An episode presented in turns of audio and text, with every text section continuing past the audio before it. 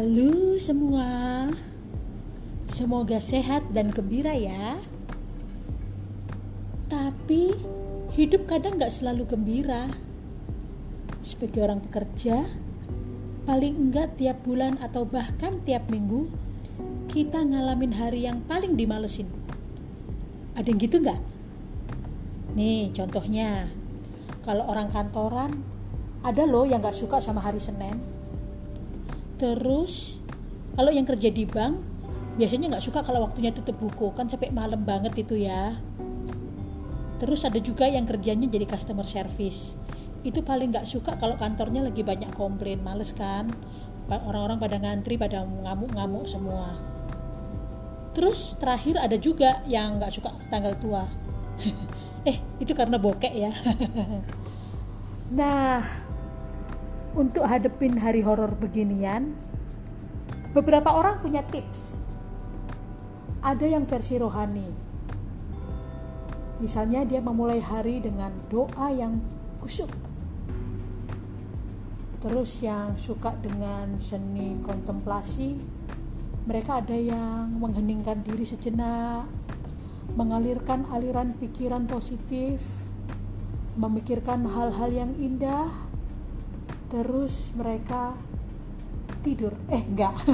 Enggak ding. Ya mereka memulai hari itu dengan secara lebih positif pastinya. Nah terus terus. Kalau tips mbak apa? Psst, ini pura-puranya saya lagi ditanyain orang ya. Kalau saya nih saya aja lo ya.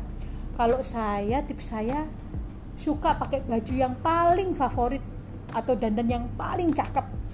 Sehingga waktu saat menghadapi hari yang itu saya merasa cool. Ya tapi ternyata macam-macam ya cara orang ya. Itu kan cuma contohnya saya aja. Nah kalau mengutip dari cermati.com ada tipsnya nih teman-teman. Satu siapkan baju favoritmu sehari sebelumnya. Eh sama ini ya kayak kayak saya juga ini ya. Terus yang kedua Bangun lebih awal, jangan kesiangan. Yang ketiga, dengerin musik selama perjalanan.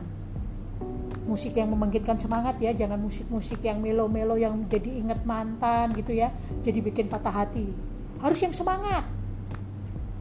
Terus yang keempat, komunikasi dengan rekan kerja. Ngobrol gitu ya, ngobrol-ngobrol ringan di pagi hari Terus yang kelima, buat rencana santai di penghujung hari. Misalnya nih ya, ntar kalau mau pulang kerja, aku pengen beli lipstick ah gitu. Atau aku pingin duduk-duduk di pantai. Nah, kalau kita punya rencana yang indah di penghujung hari, otomatis kita di hari itu kita bisa menjalaninya dengan gembira karena kita ada harapan pulangnya kita mau ngapain gitu. Terus tips keenam nih katanya bersabar. Ya, sabar karena nggak semua yang jelek-jelek itu akan selamanya. Seperti juga kebahagiaan tidak akan selamanya kesusahan juga nggak bakal selamanya. Nah itu tuh tips-tips dari saya dari orang-orang maupun dari web tadi ya. Nah kalau kamu sudah nemu belum rencana tips yang paling cocok untuk dirimu? Ayo kita cari cara bahagia masing-masing. Ciao